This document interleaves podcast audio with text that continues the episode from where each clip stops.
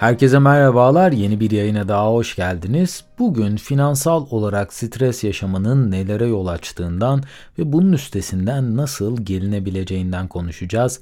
İsterseniz hiç beklemeden buyurun hemen yayına geçelim. Bu arada yaptığım yayınları beğeniyor ve yeni yayınları kaçırmak istemiyorsanız dinlediğiniz platformlardan abone olarak tüm yayınlara anında ulaşabilir veya Patreon üzerinden bana destek olabilirsiniz. Hayatta var olabilmemiz için sürekli olarak para kazanmamız gerekiyor. Özellikle modern yaşam stillerimiz bizleri sürekli olarak daha fazla kazanmaya zorluyor. Pandemi yaşanmadan önce dünya genelinde ekonomi çok iyi olmasa da pandemi sonrasında pek çok sektör derinden yara aldı.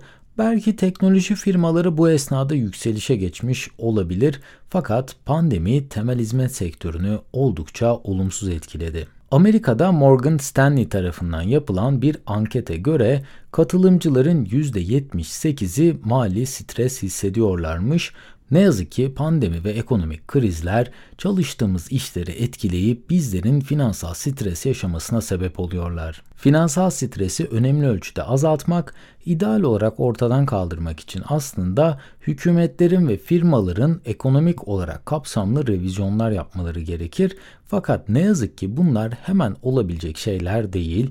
Böyle köklü değişimleri beklemektense bireysel olarak kendi başınıza atabileceğiniz bazı adımlar hala mevcut. Bu adımları atabilmek için finansal sağlığımızı düzeltmemiz gerekiyor. Peki tam olarak nedir bu finansal sağlık? Finansal sağlık kişinin finansal ve ekonomik kaynaklarının fiziksel, zihinsel ve sosyal refaha ulaşabilecek düzeyde sürekli olarak dengede tutabilmesidir. Ağustos 2020'de Financial Health Network yıllık raporunu yayınladı. Bu rapor Amerika Birleşik Devletleri'ndeki insanların yaklaşık üçte ikisinin mali açıdan kendisini savunmasız hissettiğini ortaya çıkardı. Bu insanlar para biriktiremediklerini ve zor günlerde ancak borç alarak veya kredi kartı kullanarak bu durumları idare etmeye çalıştıklarını bu raporda paylaşmışlar. Peki çok fazla finansal stres yaşarsak bizlerde ne gibi değişimler oluyor? Çok fazla finansal strese maruz kalırsanız zihinsel sağlığınız da bundan zamanla etkilenebiliyor. Yale Üniversitesi'nde 2014 yılında yapılan bir araştırma bazı akıl sağlığı sorunlarının finansal stres kaynaklı olduğunu dahi keşfetmiş. Bu araştırmayı yürütenlerden biri olan Annie Harper, katılımcıların özellikle borçlu olduklarında çok fazla strese maruz kaldıklarını gözlemlemiş. Borç ruh sağlığı üzerinde çok güçlü olumsuz etkilere sahip fakat gel gelelim ki bir birey mali sorunlarını çözmeyi başarırsa yapılan araştırmalara göre bu kişi hayatındaki diğer sorunların da üstesinden gelmeyi başarabiliyormuş. Siz fark etmeseniz dahi finansal stresin kararlarınız üzerinde olumsuz bir etkisi olabilir. Bazen aşırı harcamalara veya temel ihtiyaçları kısıtlamanıza yol açabilir. Bir kişi duygusal olarak kötü hissettiğinde dur durak bilmeden yemek yemek isterken başka biri bu durumda yemekten kesilebilir. Finansal strese maruz kalanlar bu duruma çok benzer tepkiler veriyorlar aslında.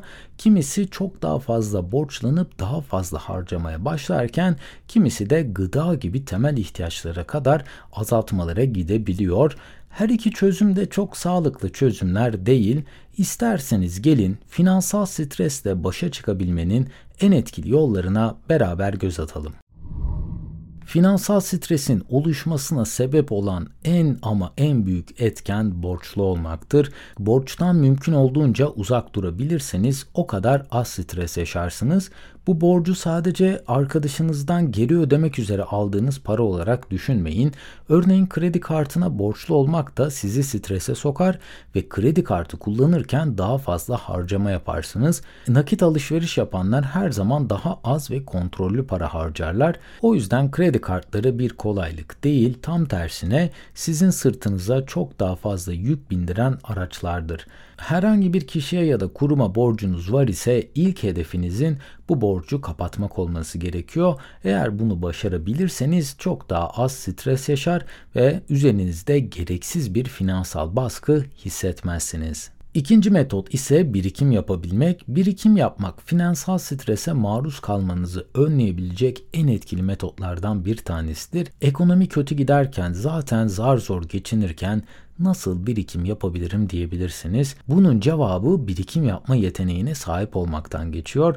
Örneğin her ay çok ufak bir miktarı maaşınızı alır almaz kumbaraya atmak ya da her ay birikim hesabına hiç önemsemeyeceğiniz bir parayı otomatik olarak aktarmak. Bu tarz metotlar sayesinde birikim yapmak hayal ettiğinizden çok daha kolay olabilir.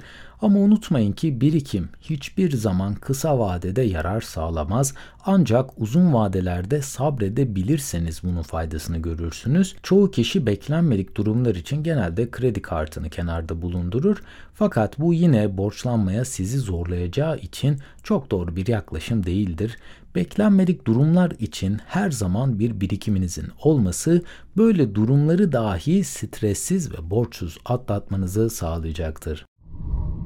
Kullanabileceğiniz bir diğer metot ise gereksiz harcamaları tespit etmek. Eğer siz de kendinize daha ay sonu gelmeden bu para nasıl bitti diye soruyorsanız gereksiz harcamaları analiz etmenin zamanı gelmiş olabilir.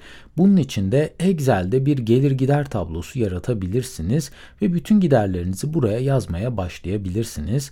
Bu kolay bir görev olarak ilk başta görünse de aslında çok zor. Çünkü en ufak gideri dahi atlamadan bunu yapmalısınız. Özellikle her şeyin aylık abonelik ile çalıştığı bu günlerde bütün mobil üyeliklerinizi buraya aktarmalısınız. Ben bunu ilk yaptığımda ne kadar çok gereksiz aboneliğim olduğunu fark ettim. Hatta aylardır kullanmadığım ama ödemeye devam ettiğim üyelikleri bu sayede keşfedebildim. Bazen bu gereksiz harcamalar kimisi için dışarıda çok fazla yemek yemek, kimisi için çok fazla kıyafet, ayakkabı veya aksesuar almak veya başka biri için eğlence amacıyla yapılan aktivitelere çok fazla bütçe ayırmak olabilir. Tüm gider kalemlerinizi sıraladıktan sonra da aylık birikim hedefinizi bu listeye eklemelisiniz.